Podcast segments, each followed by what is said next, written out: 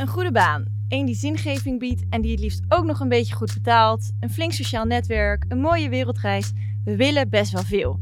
Inclusief zelf. Maar willen we niet een beetje te veel? En als we dan aanstaan, gebruiken we onze tijd dan wel efficiënt, zodat we onszelf niet voorbij rennen? Of liever gezegd, hoe maken we optimaal gebruik van ons brein? Onze gast van deze podcastaflevering weet alles op het gebied van productiviteit en focus. Daar willen wij alles over weten. Ik ben Lisanne. Naast mij zit dit keer geen Rosa, want die is vandaag ziek. Dit is de podcast van bedrock.nl. Je luistert naar Bedrock Talks.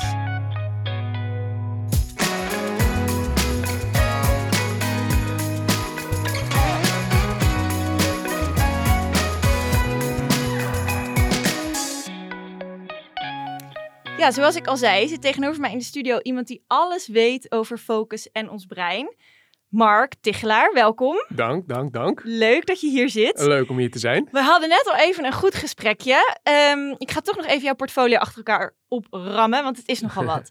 Jij studeerde neuropsychologie en specialiseerde je in het verbeteren van prestaties en het optimaal benutten van je brein. Je komt op tv over, het, over de hersenen. Je gaf twee, twee als ik het goed heb, Ja. TEDx-talks. Schreef vijf boeken over hoe je meer uit je brein komt halen. Dit is veel. Kan je het even toelichten wat, wat je allemaal doet? Hoe ziet een dag eruit? Wat, ik, eh, wat ik leuk vind, eh, ik ben wat dat betreft gewoon een hele grote nerd. Ik bedoel, eh, dat is wat het is. Ja. Ik vind het leuk om samen met mijn compagnon lezen we heel veel onderzoeken en hebben heel veel contact met wetenschappen. En het enige wat we doen is we vertalen wetenschap naar praktijk. Dus al die leuke, leuke onderzoeken, super tof. Maar wat betekent dat voor een super saaie meeting? Hoe hou je dan je focus? Hoe stop je je hoofd? Gewoon hele praktische dingen. En daar helpen we topsporters mee om hun prestaties te verbeteren. En kenniswerkers, met name de hoogopgeleide kenniswerkers, daar doen we, werken we veel voor. Eh, want zij in het voorgesprek hadden het er kort al even over hoe slimmer je bent, hoe groter de kans dat je afgeleid wordt. Nou, dat mag je als compliment incasseren als je heel snel afgeleid bent. Maar daar gaan we denk ik ook zeker over hebben. En dat is wat ik doe. Daar schrijf ik boeken over en met name geven we daar heel veel training in. Ik ben oprichter, medeoprichter van ons bedrijf Focus Academy. En trainingen geven, dat is eigenlijk het primaire wat we doen. Ja, dat is ook waar jouw hart ligt. Eigenlijk anderen echt opleiden over. Ja, helpen. Gewoon, eh, eh, dat is gewoon, en we zeggen niet wat je moet doen of eh, zo moet het, anders doe je het fout. Nee, gelukkig niet. Maar er zijn wel een aantal principes en dan kan je zelf kijken welke principes passen bij jou en welke niet. Maar met name, hoe kan ik die aanpassen aan jouw manier van werken, aan jouw hoofd, Ja. aan jouw leven, et cetera. En dat is, ehm, ja, geeft heel veel vrijheid en maakt het allemaal wat makkelijker. ja. Dat is het idee. Hoe ben je hier ingerold? Eh, nou, ik ben redelijk zwaar eh, dyslectisch, eh, echt behoorlijk. Maar ik wilde heel graag lezen, hè, die, die persoonlijke ontwikkeling en psychologiekant. Ik vind dat fantastisch. Alleen, ja, ik had de moeite met Donald Duck, dus dat was een beetje een mismatch. Dat ging hem gewoon letterlijk niet worden, maar ik wilde gewoon heel graag. Vanuit die frustratie, zeg ik altijd, werd een beetje fascinatie. Van, nou, hoe werkt het dan? Oké, hoe werkt mijn bovenkamer dan? In eerste instantie gewoon puur voor mezelf. Ja, hoe werkt mijn hoofd? Toen ben ik boeken gaan lezen. Nou, dat ging in het begin dus super traag. En boekje bij boekje een stukje sneller. eh, over snel lezen, mindmappen, geheugentechniek. Een beetje, een beetje de basis wat dat betreft. En dat ging heel goed.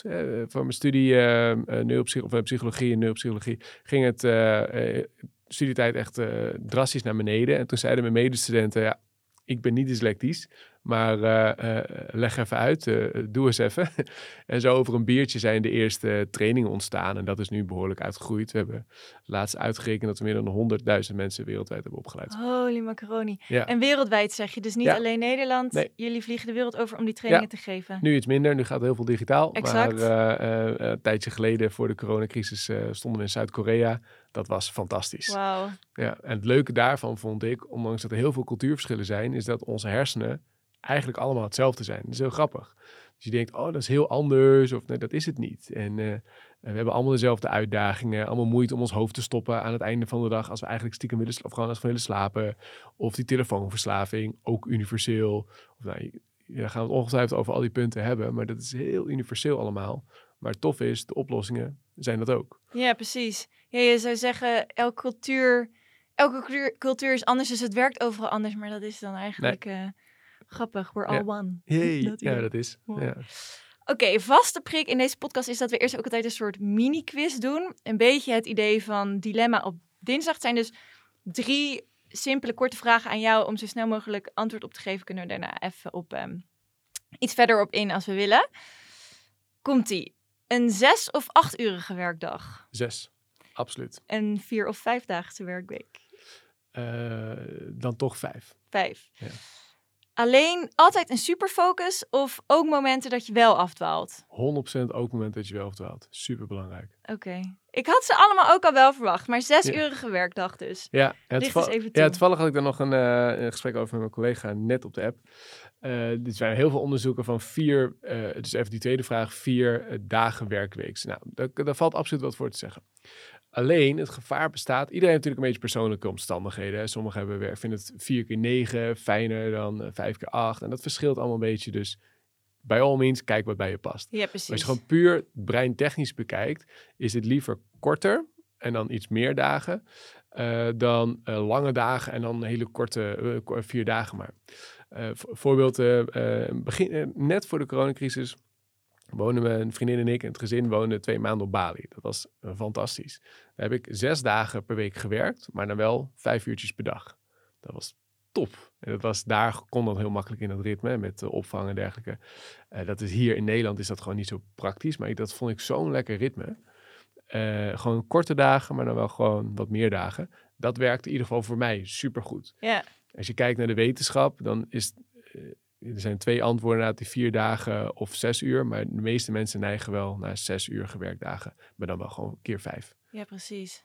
Ja, ik kan me ook voorstellen, voor jou als ondernemer is zoiets natuurlijk heel makkelijk vrij in te delen. Maar Zeker. ik hier in loondienst, Ja, ik moet er gewoon vijf dagen zijn. En Ja. het wordt zo, het zit in zo'n stramien. Ik Ja. sprak pas ook ehm, Alex Malone, heet zij.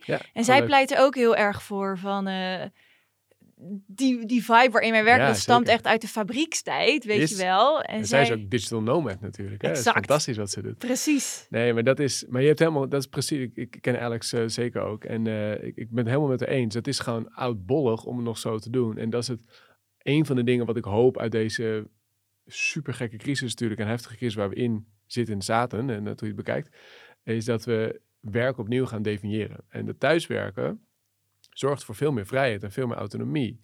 En ik hoop dat die nu steeds meer geaccepteerd wordt, ook in de grote, grote reuzenbedrijven waar jij eh, onder andere werkt. Ja, Ehm, dat, is, dat is toch, ja, dat, dat dat steeds meer geaccepteerd wordt om zeg je, we gaan sturen op output in plaats van op uren. Maar dat vraagt lef vanuit leidinggevende.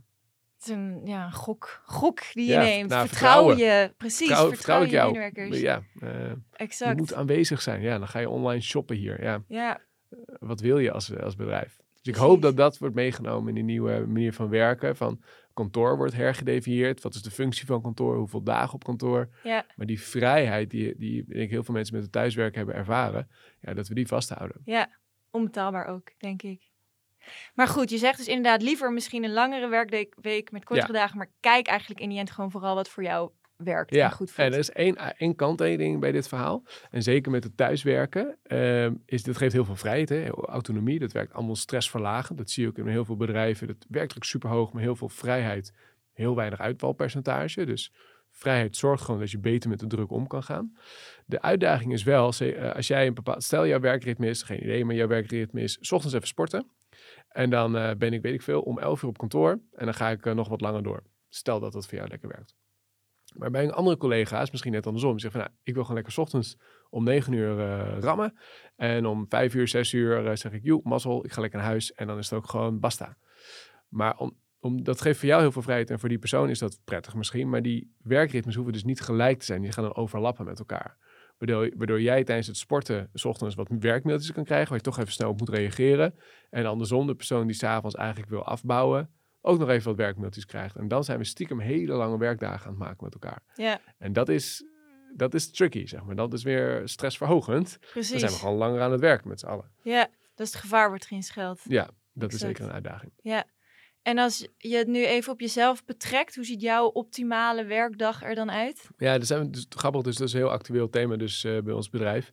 Eh, het is nog niet de kogels nog niet door de kerk, maar het gaat denk ik richting ook die zes uur werkdagen, maar wel gewoon volledig betaald. Dat willen jullie binnen de Focus Ja. Academy, ehm, ja. Ja, dat is het plan in ieder geval. Dus het is nog niet, eh, als je me over een jaar tegenkomt. En, en nou, misschien is, is het plan uiteindelijk niet doorgegaan, maar daar neigen we in ieder geval wel naar. Eh, ehm, ja, want het is gewoon beter. Het is gewoon eh, een hele lange, en dan wel gewoon vijf dagen, voor, eh, maar dan kortere, kortere werkdagen. Dus gewoon de brandstof is op een gegeven moment op. En dan kan je wel blijven zitten, maar dan werk je eigenlijk op een lege tank. En dan die laatste druppeltjes productiviteit die je eruit probeert te persen, kost verhoudingsgewijs bij far het meeste energie. Ja, En dat is zonde. En waarom zou je? Ja. Kun je beter even extra opladen. En waardoor je de volgende dag gewoon veel meer brandstof hebt. Per saldo krijg je dus veel meer gedaan. Ja. In minder tijd. precies. Ik heb ook pas een keer een podcast geluisterd over. Nou, ik weet niet meer hoe de podcast heet. Anyway, doet er ook iets minder toe. Dat was ook een man die ging experimenteren binnen zijn organisatie met vier dagen, vierdaagse werkweken.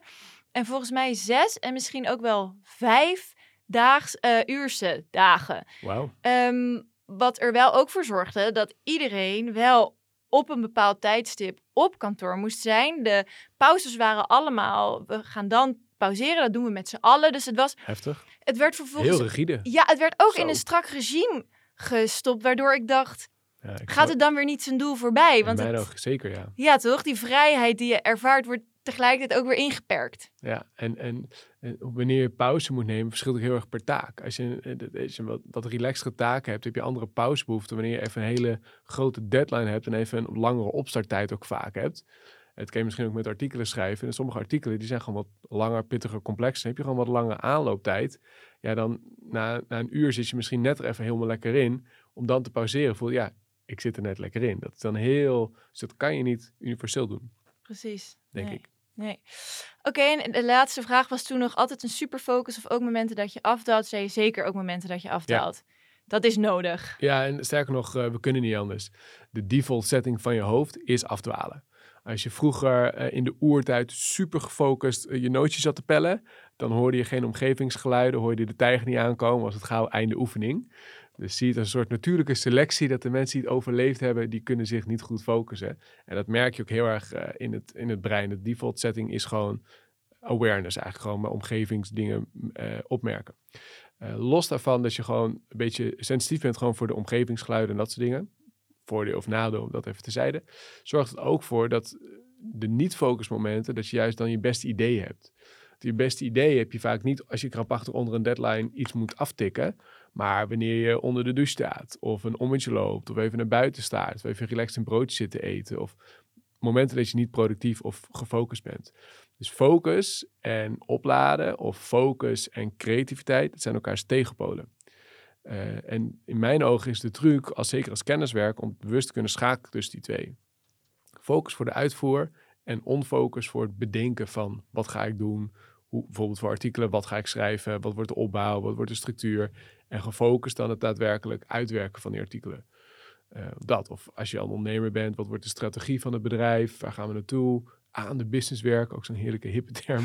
Eh, en dan uiteindelijk gas geven, om, eh, gefocust om het dan daadwerkelijk uit te voeren. En bewust schakelen tussen die twee, daar ligt in mijn ogen de kracht. Ja.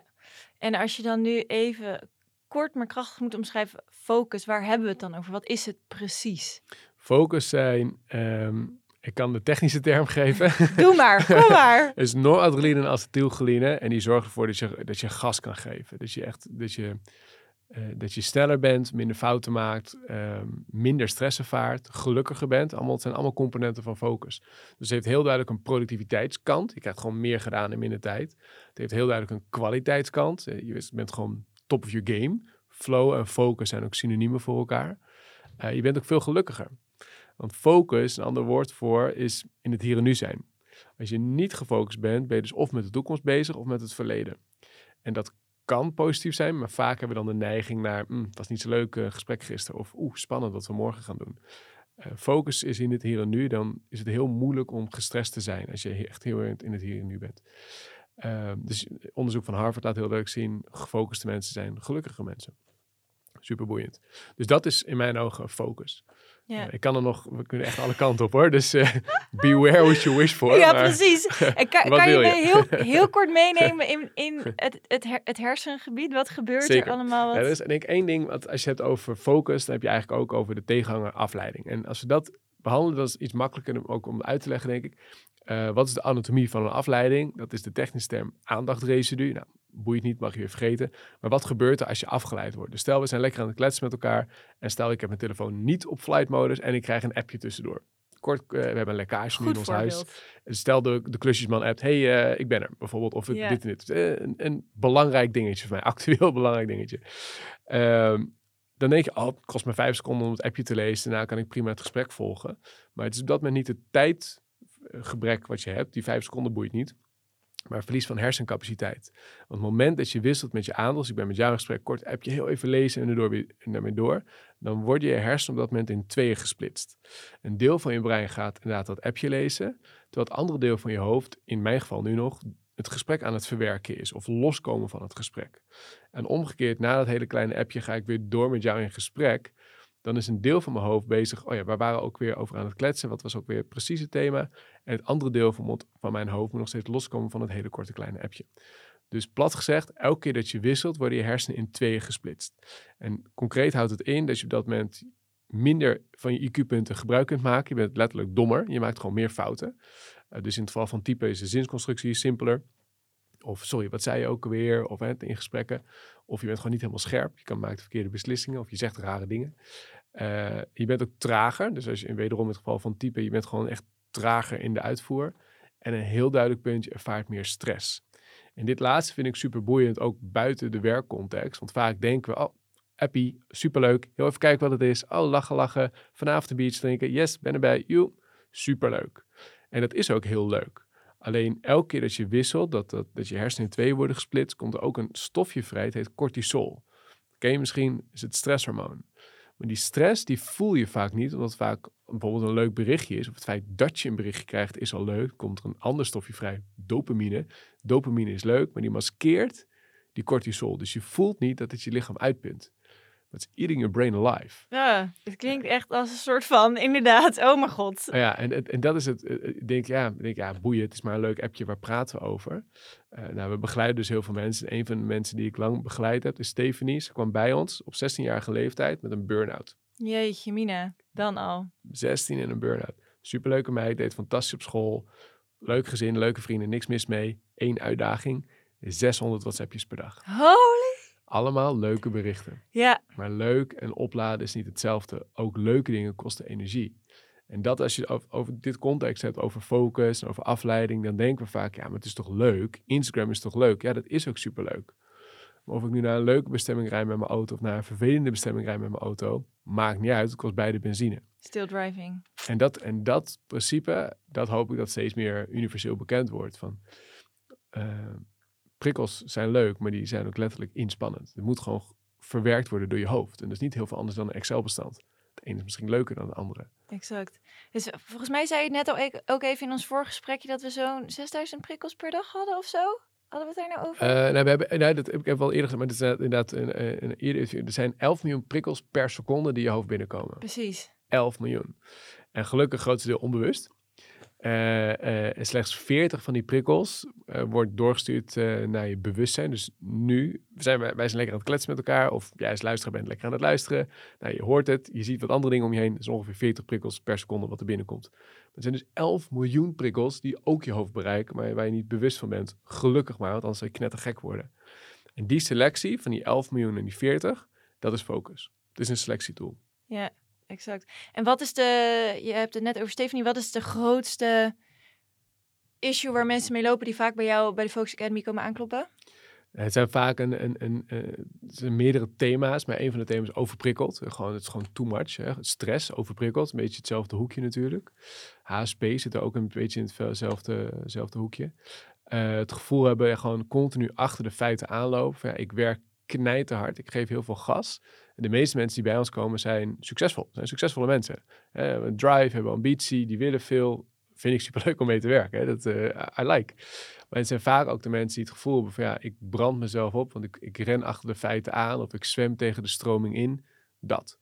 Dus, hè, een beetje vergelijkt met overprikkeld, maar dan ook in productiviteitshoekje. Ja, Ehm, dat zijn wel de twee grootste ehm, groepen. En ook gewoon simpelweg in de positieve zin, ik wil gewoon meer gedaan krijgen. In plaats van aan het einde van de dag, ja, ik heb knijthard gewerkt, maar wat heb ik nu eigenlijk bereikt? Zeg maar dat hele onvoldane gevoel van druk, maar niet productief, weet je dat? Ehm, en in het verlengde daarvan, het zijn allemaal een beetje subthema's. Eh, ik kan mijn hoofd niet stoppen. Dus van eh, die denkmachine is, hem- is meestal wel goed ontwikkeld. Als je slim bent, dan, dan werkt die bovenkamer wel. Ja, Maar waar zit die uitknop? Nou, wij helpen mensen met die uitknop vinden. ja, precies. Precies. Want ergens heb je bij het idee van oké, fo- betere focus, meer productiviteit. Van, voor het gesprek had ik ook een beetje het gevoel van oké, we willen. Dat zorgt ervoor dat we maar nog meer kunnen, nog Ja. meer willen, meer moeten met, Ja. met, met, met de tijd, zeg Ja. maar. Zorgt dat niet juist Ja, het spijker op zijn kop. voor meer Ik vond, klachten? ik vond je inleiding ook fantastisch. En dat is ook precies de uitdaging. De uitdaging is, we willen, we willen zoveel. En productiviteit de- en meer willen, zeg maar, oké, ik ga een training volgen zodat ik meer kan. Dat is onderdeel van het probleem. Precies. Eh focus, een ander woord voor focus is kiezen. ja, Het woord prioriteit gebruiken we heel vaak in meervoud, prioriteiten. Het is oorspronkelijk bedoeld als enkelvoud. Het is nooit als meervoud bedoeld. Je hebt prioriteit, punt. oh wauw. Dus, dus, know. je hebt één prioriteit. Je hebt niet twee, dat kan niet. Dat is- Nee. per definitie taalkundig klopt het niet. Ja, Eh, en in je hoofd ook niet, zeg maar. Dat is heel lastig. En maar eh, wat ik ook, eh, wat ik zelf echt mijn favoriete super cheesy zin vind, maar ik vind hem echt fantastisch. Ik zei hem net in het voorgesprekje, noemde ik hem ook even. You can do anything the moment you stop trying to do everything. En dat is in mijn ogen een van de basiscomponenten van focus. Het gaat om kiezen. Eh, we begeleiden dus een aantal topsporters. Die zijn echt fantastisch in wat zij doen. En met, met, nou, ik ga geen namen noemen, maar die zijn gewoon topprestaties. Eh, maar enkele daarvan, eh, die ik een beetje eh, dan door mijn werk ken, daar wordt de energierekening van afgesloten. Om de simpele reden, ze hebben genoeg geld, dat is punt niet. Ze zijn er letterlijk niet mee bezig. ja, precies. Ze hebben één doel en de rest, fuck de rest. Echt een hyperfocus. Het is een hyper En dat is een, topsporten is de meest extreme vorm van focus. Maar als je dat omdraait van wij als, als jonge generatie, wij hebben de neiging om, om overal tien op te scoren. Ja, maar ik wil, ik wil een strak lichaam. Nou, precies wat je in je inleiding zei. Ik wil die wereldreis maken. Ik wil goed, ik wil al die dingen. Ik wil ook nog sociaal betrokken zijn. Ik wil impact maken. Nou, al, ik wil overal tienen, tienen, tienen. Dat is per definitie niet kiezen. En als je niet kiest, dan heb je per definitie geen focus. Ben je per definitie traag. ja, Uh, ben je per definitie maak je meer fouten en per definitie heb je meer stress. Een topsporter heeft in die zin weinig stress. Een heel, dus in die zin een heel apart leven. Ik zou het niet kunnen. Uh, maar het is wel een heel bepaalde manier, ik kan meer, maar een bepaalde manier relaxed leven. Natuurlijk een druk van presteren. Maar ze hebben letterlijk één ding waar ze op hoeven te richten. Ja, met trainingen en uiteindelijk uh, een, een prestatie leveren op een, op een wedstrijd. Ja. Um, dat is een, het is een heel, het is een heel uh, makkelijk leven wil ik niet zeggen, maar het is een gericht leven. Wat ik nog één, nog een, uh, een quote die ik uh, laatst, het is niet van mij overigens, maar ik vind hem, ik vind hem heel leuk. Het is Engels ook van, als je, waar we het net over hadden, overal tienen op scoren. If you wanna, uh, if you wanna, if you move, wat was de quote ook weer? Als je een millimeter vooruit, of als je op 100 dingen wil vooruit wil gaan, dan ga je een millimeter vooruit op 100 dingen. Maar dat is niet momentum, dat is motion sickness. En dat is vaak, we gaan als een soort extra gaan. Ja, maar dit vind ik gaaf. Ja, maar dit vind ik ook leuk. Ja, maar ik wil ook een boek schrijven. Ja, maar ik wil ook die wereld. Ik wil ook dit. Ik wil ook die perfecte partner. Ik wil ook een perfecte relatie. En dat is ja. Uh, en dat is ook interessant aan nu een podcast luisteren. Ik ben bijvoorbeeld persoonlijk, ik, ik hou erg van podcasten, maar ik ben minder podcasten gaan luisteren.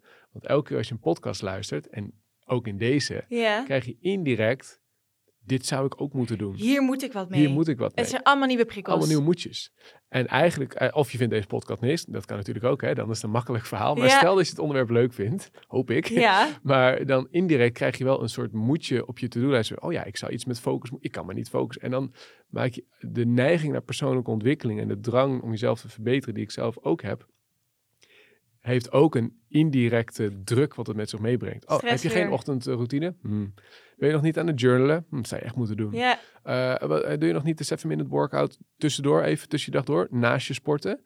Uh, oh, ben je, niet je hebt indirect creëer meerdere, meerdere taken en daardoor ga je nog versnipperder lezen, of, leven en daardoor uh, schiet het zijn doel uiteindelijk voorbij. Heel herkenbaar. Ik heb het inderdaad, als ik dan ga ik wandelen, zet ik een podcast op of rennen en dan ben ik eigenlijk tijdens het rennen en dan raden ze een boek aan ja. oh. of dit en ik, oh, dat moet ik onthouden. En dan ben ik tijdens het rennen en een podcast aan het luisteren en aan het herhalen dat ik straks niet moet vergeten dat ik moet opschrijven dat ik het boek wil kopen. Trrrt. Maar ja. jij, jij luistert dus om tijdens, deze reden. Tijdens het hardlopen nooit een podcast. Nooit een luisteren. podcast. Nee, precies. Uh, een podcast luisteren. En dat is ook weer hetzelfde waar we net een beetje over hadden met, die, met Stephanie. Uh, uh, in het verlengde van podcast luisteren is, is heel leuk. Hè? Ik bedoel, ik, ik, vind ook, ik vind het leuk om dit te doen, maar ook leuk om podcast te luisteren. superleuk. Denk, als luisteraar denk ik ook, want anders Ja, zou je niet luisteren. je niet luisteren. was je afgehaakt. Precies. Maar ehm, eh, leuke dingen kosten ook energie. En zeker, nu krijg je dus één, je krijgt informatie bij je. In je. Dus als je aan het luisteren bent, krijg je nieuwe, nieuwe prikkels. Wat dus niet heel veel anders is dan Instagram. Wat dus niet heel veel anders is dan Excel. Het een is misschien leuker dan het ander, maar het zijn nog steeds prikkels die je hoofd moeten verwerken. Dus je hoofd is nog steeds aan, het draaien. processen. Dus het is technisch geen pauze. Dus een, po- een, hardlo- eh, een podcast luisteren tijdens, een, eh, eh, tijdens hardlopen is geen pauze. Het is gewoon werk. Ja. Het is leuk en het is gezond, hardlopen, maar het is voor je hoofd is het werk. Ja.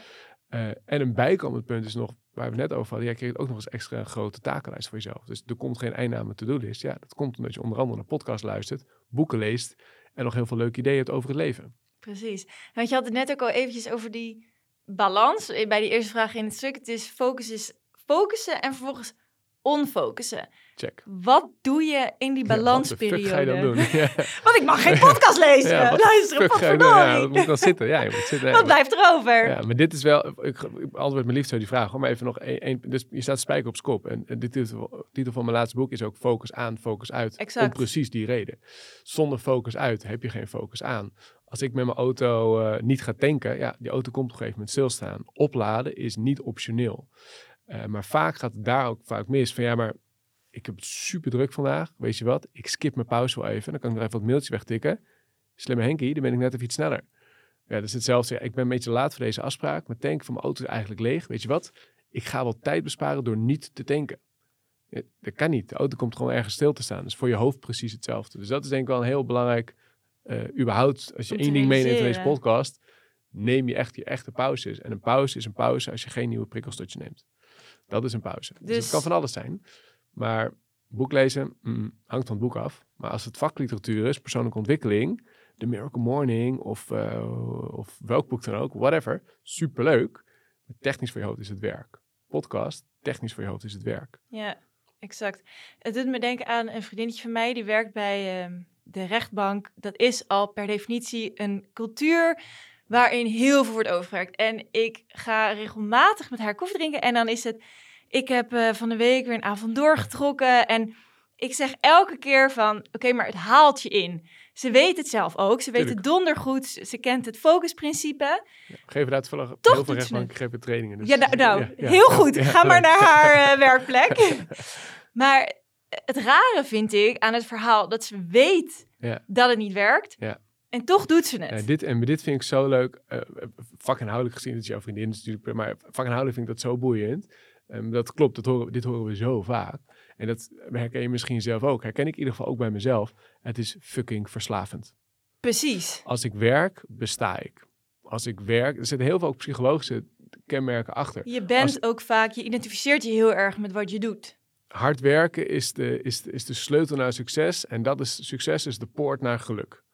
Eh, eh, dat is vaak een, dat hoor je niet, al, niet gelukkig niet bij iedereen, maar dat hoor je wel heel vaak. En, Ja.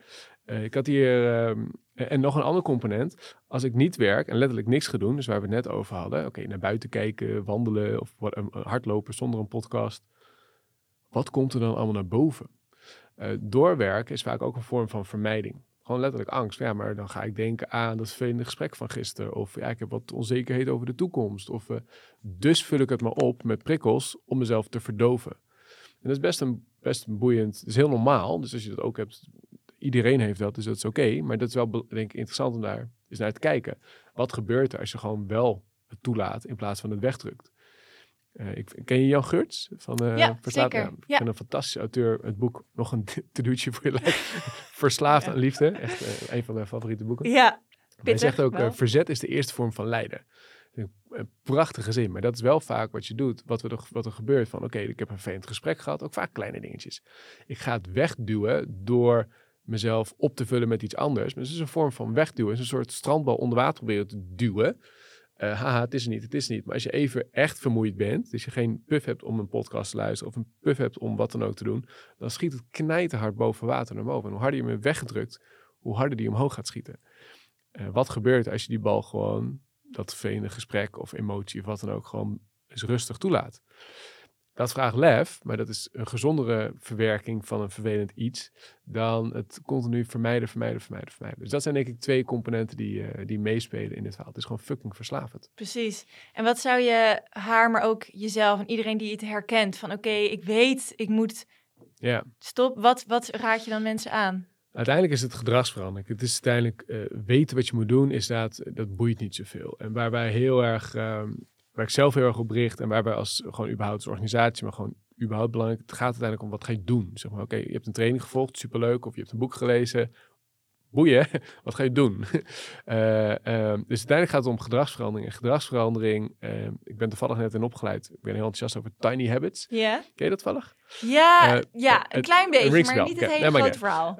gedragsverandering werkt het best in hele kleine stapjes. Even heel suf, simpel uitgelegd. En want vaak doen we iets op motivatie. Van, oh, ik heb een boek gelezen. Of, oh, training gevolgd. Oh, dat was leuk. Oh, ik ga nu echt mijn hele leven anders doen. Ja, zo werkt de wereld gewoon niet. Want soms heb je wel zin, soms heb je niet zin. Of ik hardlopen. Ik wil nu elke dag gaan hardlopen. Maar ja, eh, soms heb je zin, soms heb je geen zin. Dat is best een grote stap. En dan leunt het vaak heel erg op motivatie. Dus als je iets wil bereiken, zoals in dit geval van jouw vriendin, van ik wil echt meer pauzes nemen.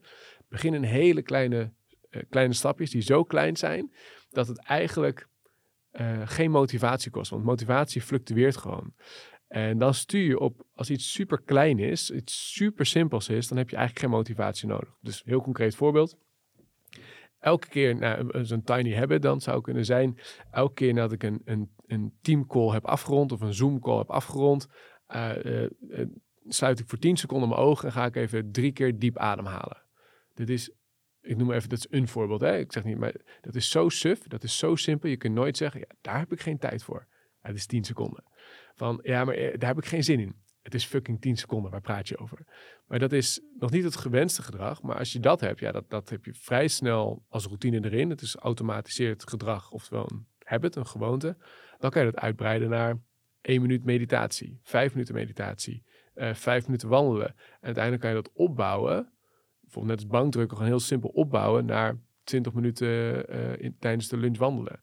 En dan kan je stapje voor stapje je leven vormen. Uh, daar, daar geloof ik heel erg in. Stapje voor stapje gefocust dat uitbouwen. Precies, het is zeg maar, stel je zou zeggen, iemand moet nu beginnen met iets omtrent een betere focus, betere productiviteit.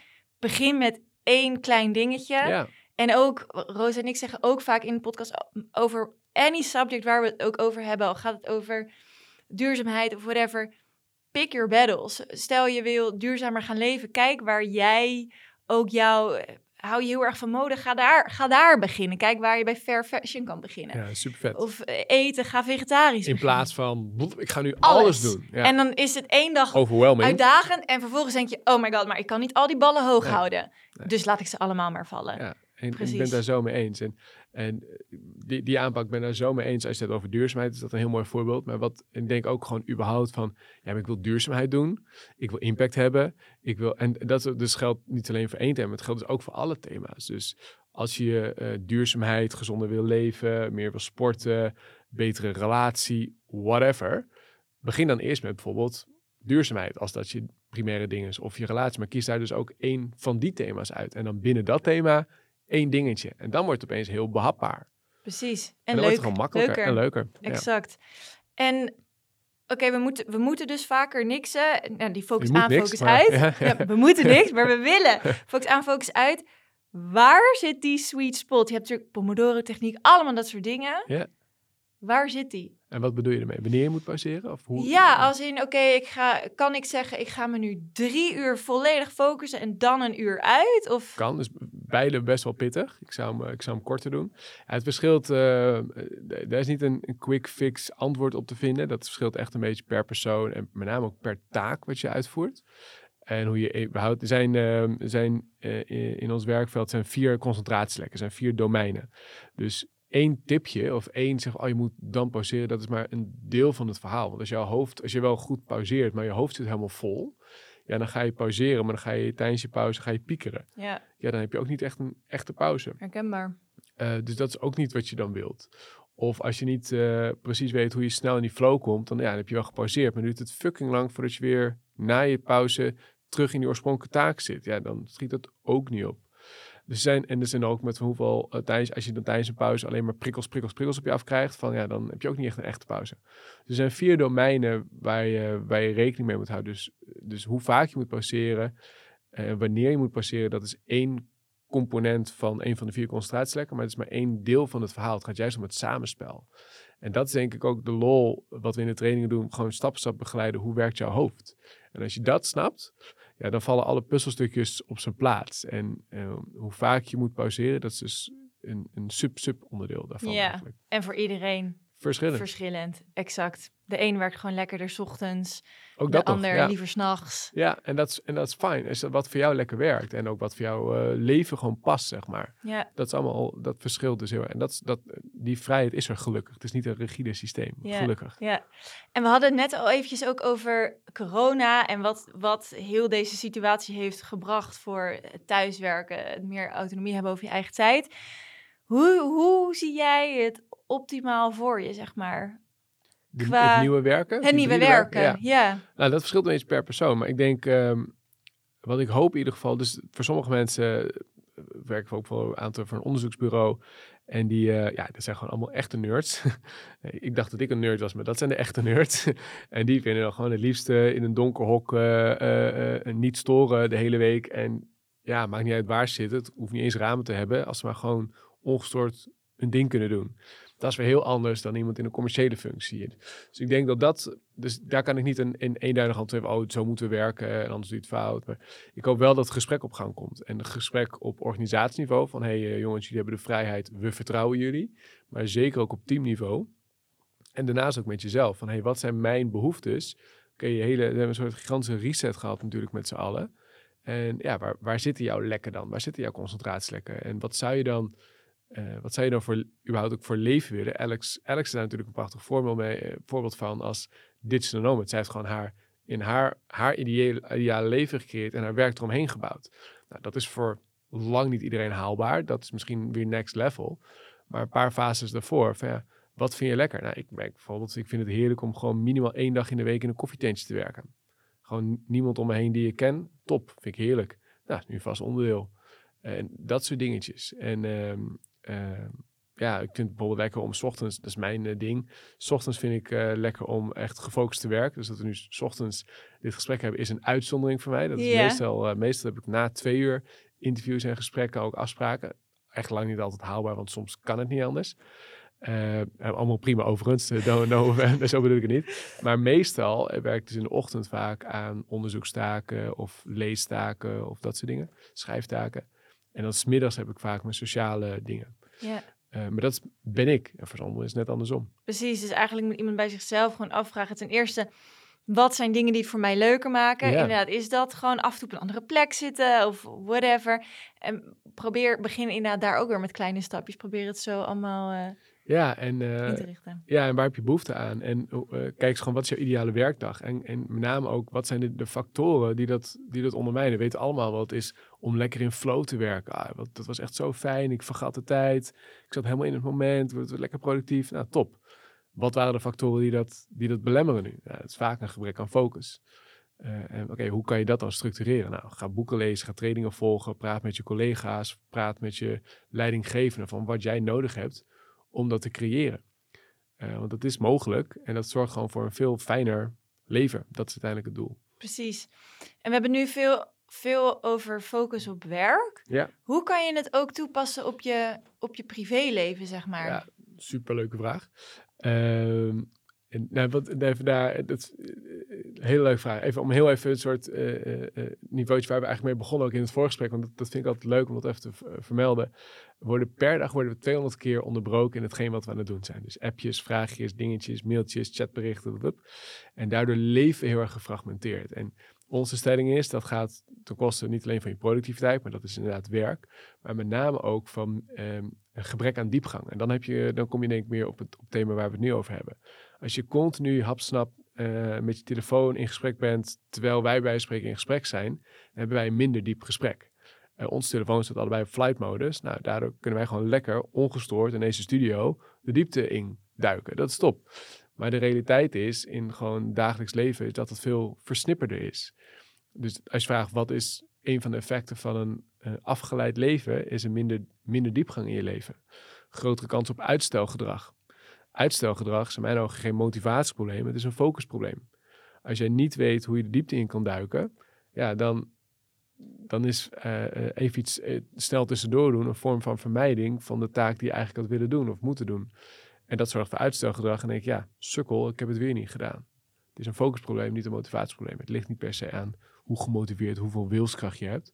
Maar hoe structureer je je leven? Als je niet de ruimte hebt om de diepte in te duiken, is het lastig om te doen. Precies, het klinkt ook wel herkenbaar. Want eigenlijk één van de weinige momenten, ik zet mijn mobiel s'nachts uit, maar ook verder alleen als ik een podcast opneem. Dan zet ik alle notificaties, geen mail, alles is uit.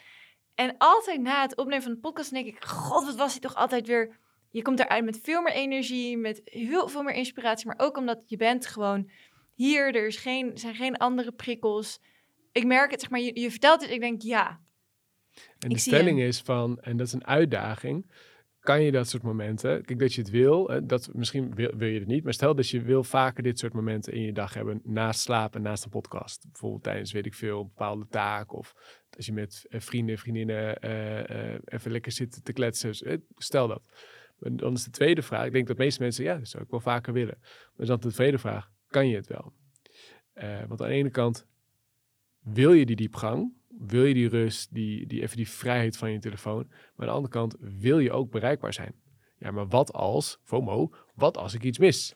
Ja, maar wat als mijn leidinggevende me nu nodig heeft? Wat als een klant of leverancier nu snel wil schakelen? En daar denken we, ah, ik moet wel. Uh, en dat vraagt lef. En er komt nog een tweede component mee. Het is fucking verslavend. Dus gewoon elke keer waar we het net over hadden, elke keer als je een appje krijgt, komt die dopamine vrij. Dat is fucking verslavend.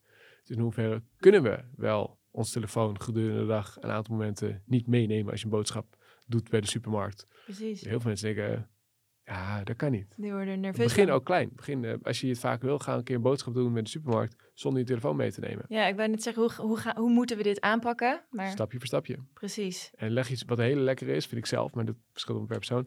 Ik ben heel vaak gewoon aan het werk. De telefoon staat wel aan. Notificaties staan bijna allemaal uit. Niet allemaal overigens. Meestal wel, of de meeste wel. En mijn telefoon op, uh, wel op bel, ik kan gewoon beld worden. Maar mijn telefoon ligt in mijn tas, vaak buiten handbereik. Dus de kans dat ik tijdens het werk even tussendoor pak is, en dan moet ik helemaal er naartoe lopen, ja, dat is te weinig, dat is te veel moeite, dat ga ik niet doen. Maak het moeilijk voor jezelf.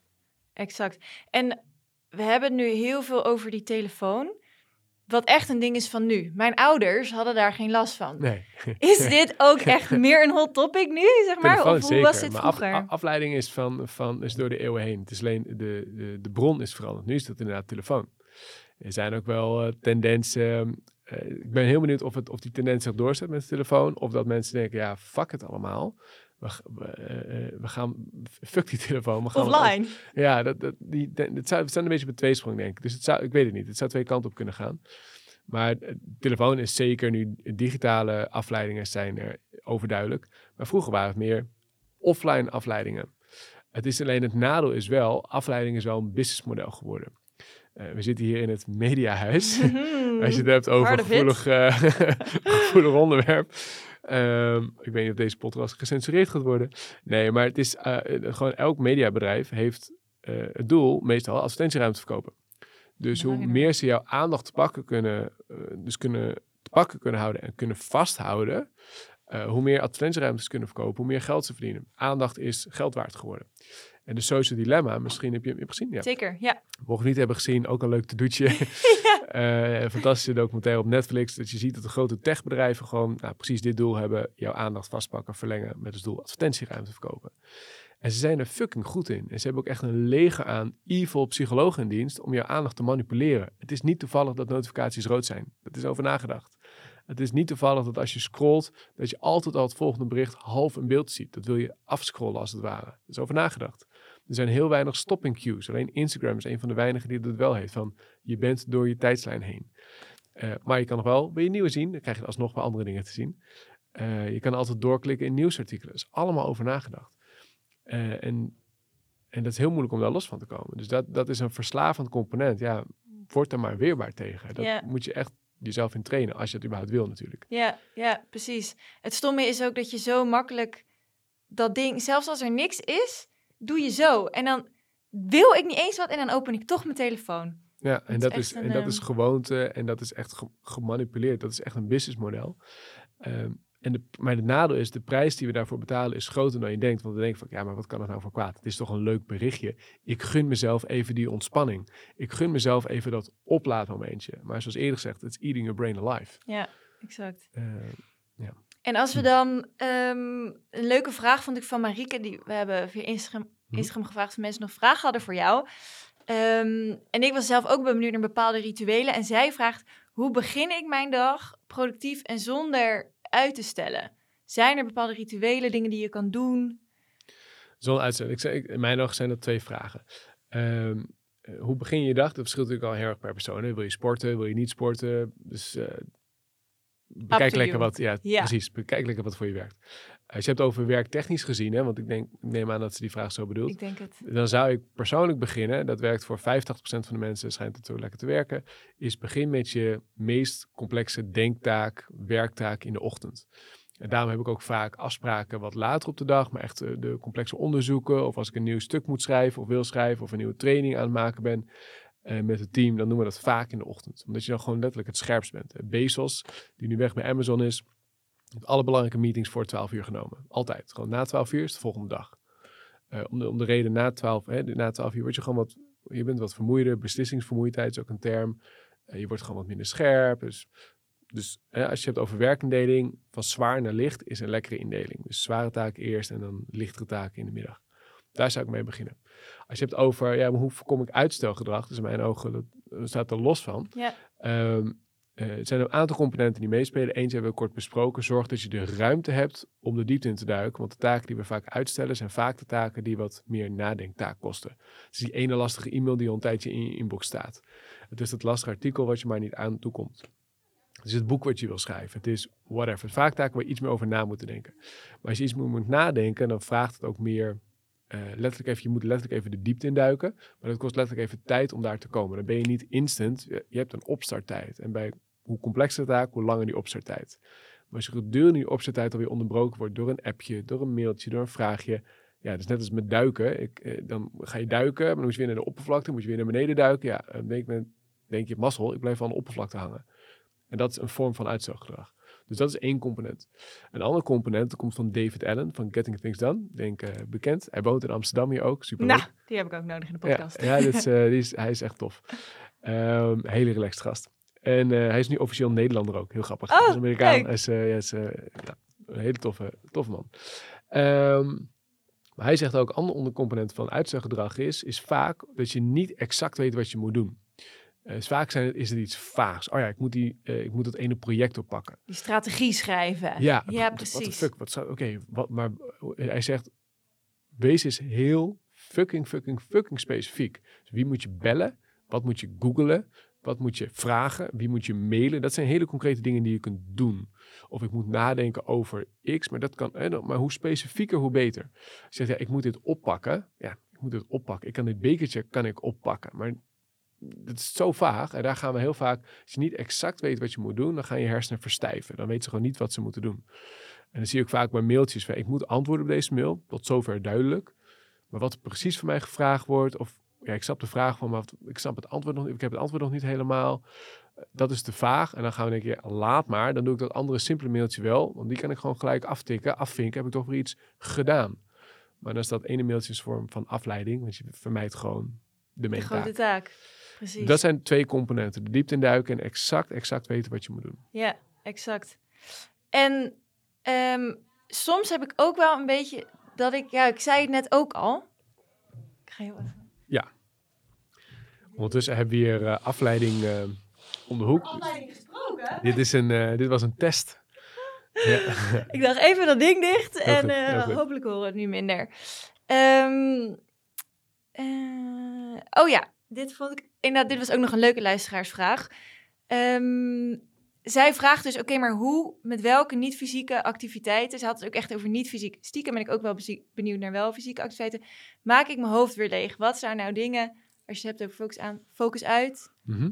Dus fysiek is Concreet wandelen. Hè? Dus wandelen is top. Sporten kan goed zijn. Als je het niet over niet fysiek hebt, dus heb je het over denktaken, dat, is, dat kan. Maar eigenlijk is het dan gewoon eh, naar buiten staren. Het is, het is niet eens een activiteit meer. Nee, en dat is het hele punt. En eh eh, en in het verlengde van, ik, ik haakte daarop aan van, oh, de, de, de, even een parallelletje van, we moeten pauzeren. En dat hoor je ook zo vaak van, oh, ik ben zo gestrest, ik moet even nu naar yoga. Ja, dan schiet het eigenlijk als een doel voorbij. Ik moet dit, weer- dan heb je weer een taak voor je, je moet even helemaal niks. Je moet even gewoon lekker zitten op de bank en even niks doen. Eh, en maar we hebben vaak het gevoel, ik moet dit, ik moet dat. En dat, en dat hele idee van, ik, die pauze moet succesvol zijn. Die pauze moet effectief zijn. Die moet ik zo snel en goed efficiënt mogelijk benutten. Dat is precies het probleem. En waar komt dit vandaan? In mijn ogen de drang om continu... En dat is ook een generatie... persoonlijke ontwikkeling is er al natuurlijk eh, ver voor, voordat wij er waren. Maar dat is wel in de laatste jaren een enorme vlucht genomen. In essentie hartstikke goed. Maar er zit absoluut ook een donkere kant aan. Van je moet nu heel erg veel. Je moet nu waar we net over hadden, een ochtendroutine hebben, avondroutine hebben, pap, pap, pap, pap, pap, pap, pap. Eh, nog in de ochtend, hmm, intermediate fasting zou eigenlijk beter voor je zijn. Dus ja, je, je, holy fuck. Je kunt zoveel doen. Nou, je, en, en, als je het niet doet, hmm, ja, jammer, suboptimaal. Ja. En die drang van perfectionisme, streven naar altijd beter. Ik bedoel, ik heb hem zelf ook hoor. Dus, dus we hebben allemaal, ja, allemaal, veel mensen hebben dat denk ik. Maar dat is, uh, rupsje nooit genoeg precies. En dat is de vraag, eh, dat, dat, de druk die we als generatie misschien ervaren, is deels, komt die hier vandaan. Ja, Je moet af en toe helemaal niks. En tijdens een pauze is een hele leuke vraag. Van hoe kan ik optimaal eh, pauzeren? nemen. Ik vind, hem, ik vind hem tof, maar dat is deel van het probleem in mijn ogen. ja, Doe even lekker niet optimaal, exact. dan doe je het goed. Laat het allemaal even lekker los. Ja. En Het is moeilijk, is makkelijk gezegd, want, eh, maar dat is wel een deel van het oplossing uiteindelijk. Precies. En als je nou merkt, iemand luistert deze podcast die dwaalt af, of iemand aan het werk en hij dwaalt af. Mhm. Als iemand dat nou merkt, wat kan die, wat zijn dingetjes? Ja, Even die tips en ja, tricks. en het is een hele leuke vraag en heel lastig om te beantwoorden. Ik kan honderden tips geven, maar uiteindelijk een los tipje gaat niet het antwoord voor je zijn. Want er zijn vier concentratielekken en die moet je snappen bij jezelf. En met name dat samenspel bij het snappen. Dus je kan zeggen, als je makkelijk afgeleid wordt tijdens het lezen, lees een fractie sneller. Want je, dan prikkel je meer je brein, zit je er beter in. En zo kan ik, dus heel, eh, als je makkelijk afgeleid tijdens gesprekken, zorg dat je iets in je handen houdt om een paperclip of nou, een pennetje irritant, maar iets subtiels wat niet opvalt. Werkt supergoed. Dus Er zijn honderden tips die we kunnen geven. Maar uiteindelijk eh, is dat een quick, quick tipje die je op dat moment zal helpen. Maar de truc is om te snappen hoe werkt je hoofd. Het is geen duurzame Nee, verandering. het is, het, is, het, is een, eh, eh, het is een tipje. En een tipje is heel plat. En, dat, en eh, als je snapt hoe je hoofd werkt en snapt hoe die samenspel met die vier concentratielekken werkt, ja, dan, dan ben je top of je game. Dan kan je sturen. Dan kan je bewust schakelen tussen focus aan, dat gas geven, op het moment dat je het wil. Dus snel, als je snel in de flow komt en als je onderbroken wordt, dat je weer snel erin komt. En je kan ook je hoofd stoppen aan het einde van de dag. Net zo belangrijk. Want als je dat niet kan, ja, dan blijft die trein maar doordenderen. Ja, dan kom je dus nooit in het opladen. Heb je het gevoel, of hoor je misschien ook wel van mensen om je heen, nou, superleuk dat we dit gesprek hebben, maar ik heb het gevoel dat je niet helemaal aanwezig bent. Ja, Ja, dat komt omdat je met je hoofd letterlijk je to-do-lijstje nog aan het afvinken bent. Dit had ik moeten doen, dit moet ik morgen doen. Als je daar geen grip op hebt, ja, dan laat je dus niet echt op.